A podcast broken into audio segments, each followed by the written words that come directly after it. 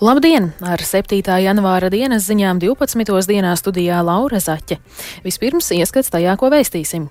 Ūdens līmeņa kāpums pļaviņu ūdenskrātuvē ir mitējies. Ņirgāšanās novēršanas programmas Kīvā pirmie rezultāti skolās jau ir jūtami. Eiropas Savienības padomes prezidents Šārls Mišels priekšlaicīgi atstās amatu, jo kandidēs Eiropas parlamenta vēlēšanās. Par šiem un citiem tematiem plašāk ziņu turpinājumā.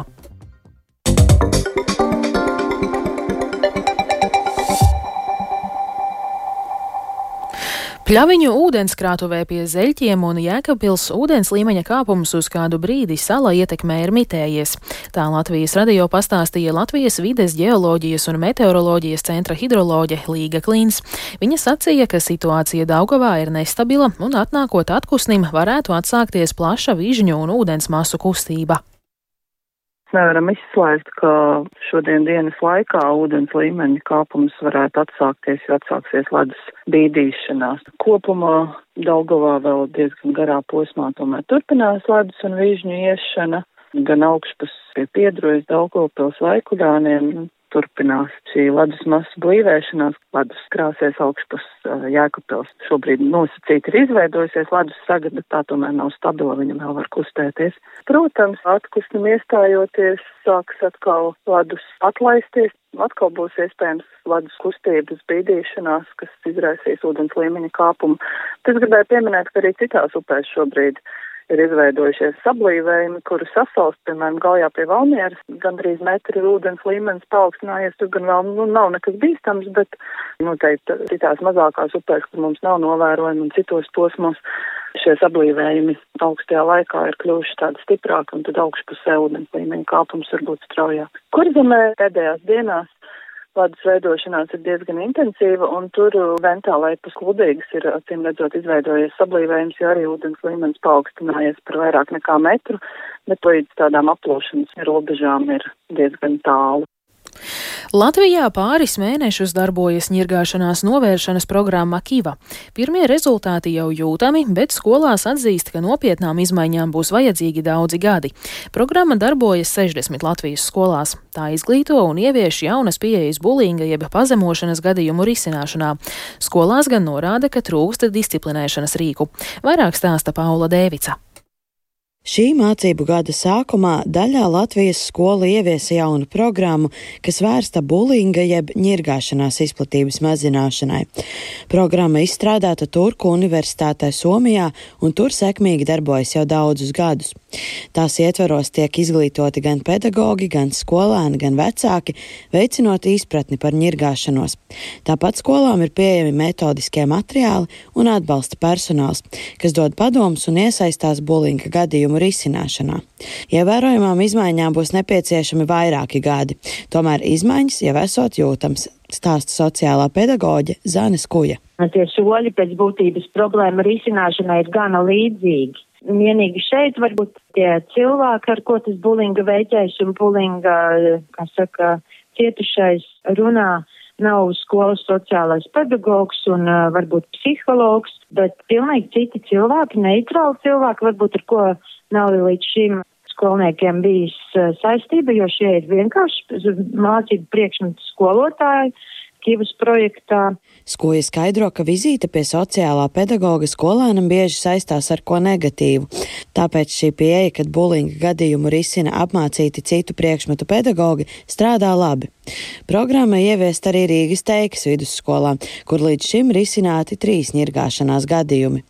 Direktora vietniece Evija Augustāne Latvijas radio stāsta, ka jūtams, ka gan pedagogu, gan skolānu izpratne par ņirgāšanos pieaug, un liels ieguvums jau ir tas, ka par tēmatu tiek runāts dažādās mācību stundās. Kāpēc man ļoti grūti salīdzināt Latvijas situāciju vispār ar Somiju, jo Somijā tomēr skolā nu, kā teikt, trīs soļu princips darbojas arī pamatskolā, kur skolēni var tikt arī izslēgti no skolas. Ja mums Latvijā tā nav.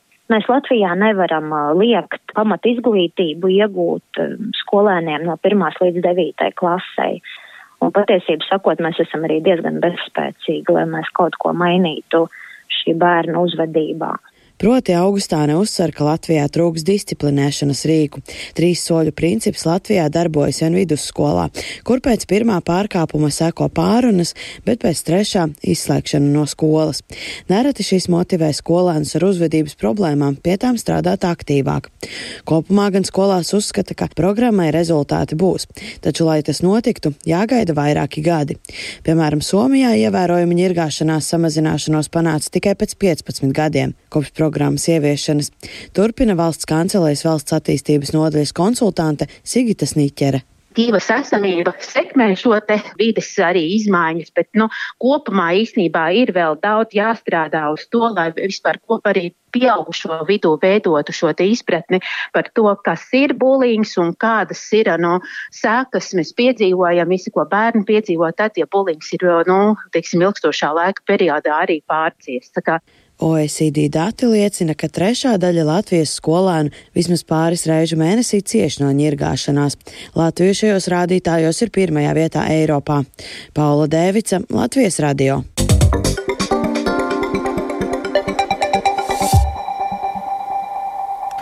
Ukrainas pretgaisa aizsardzības sistēmām izdevies notriekt 21 no 28 droniem, ar kuriem aizvadītajā naktī uzbruka Krievija.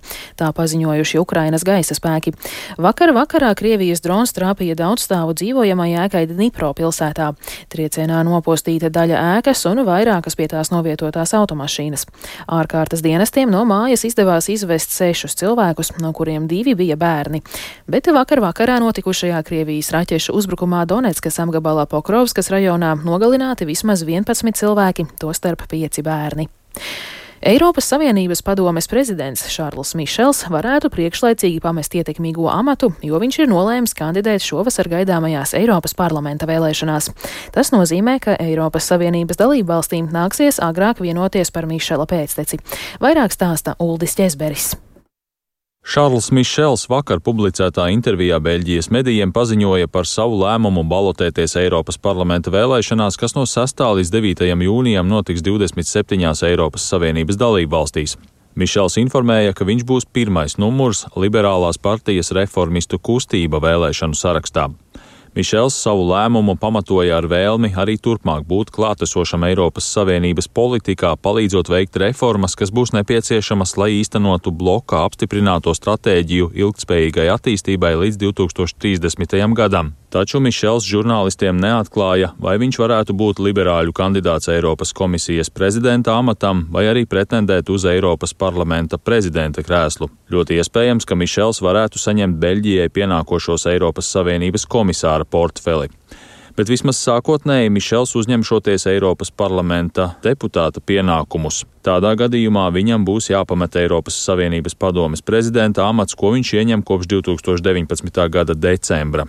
Mišela pilnvaru termiņš noslēgsies tikai novembra beigās, bet ievēlēšanas gadījumā viņš Eiropas Savienības padomes prezidenta pienākumus pildīs līdz 16. jūlijam, kad uz pirmo plenāru sēdi sanāks jaunievēlētie Eiropas parlamenta deputāti. Lai gan Mišela lēmums priekšlaicīgi pamest pašreiz pašreizējo amatu ir juridiski pieļaujams, tas radīs papildus spiedienu uz Eiropas Savienības dalību valstu līderiem, kuriem parasti pēc Eiropas parlamenta vēlēšanām ir dots ilgāks laiks, lai vienotos par bloka augstāko amatu sadali. Mišels uzskata, ka viņš savu lēmumu kandidēt vēlēšanās ir paziņojis laicīgi, jo Eiropas Savienības dalību valstu vadītājiem būšot seši mēneši laika, lai izraudzītos viņa pēcteci amatā. Paredzēts, ka Eiropas Savienības dalību valstu vadītāji pirmo reizi pēc Eiropas parlamenta vēlēšanām sapulcēsies 17. jūnijā, kad notiks neformāla sanāksme, bet 27. un 28. jūnijā Briselē notiks Eiropas Savienības līderu oficiālais samits.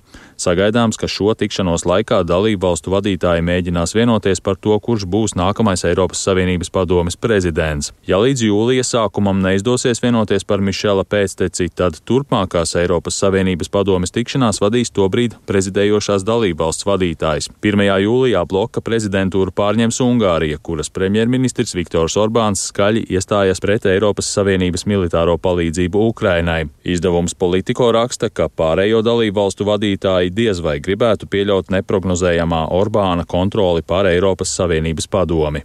Uldis Česberis, Latvijas radio.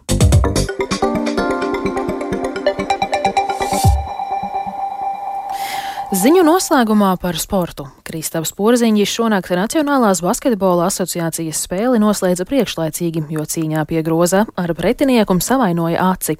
Savukārt Latvijas labākie hokeisti Ziemeļamerikas līgās bijuši rezultatīvi un palīdzēja savām komandām tikt pie panākumiem. Par visu plašāk stāsta Reinis Grunspēņķis. Bostonas Celtics basketbolisti pēc vakardienas graujošās uzvaras savā laukumā pret Jūtas Jazz šodien bez atpūtas dienas devās izbraukumā uz Indianapolisu, kur ar 118 pret 101 pārspēja arī vietējo Pacers komandu. Porziņģis paspēja gūt divus punktus, taču spēle viņam noslēdzās ļoti ātri, jo pirmajā ceturdaļā cīņā zem groza viņš cieta no Ārona Nesmita rokas un iedzīvojās acis savainojumā, kas lika pamest laukumu. Celtics uzvaru nodrošināja Jasons Teitons Rietums, kurš izcēlās ar 38 punktiem.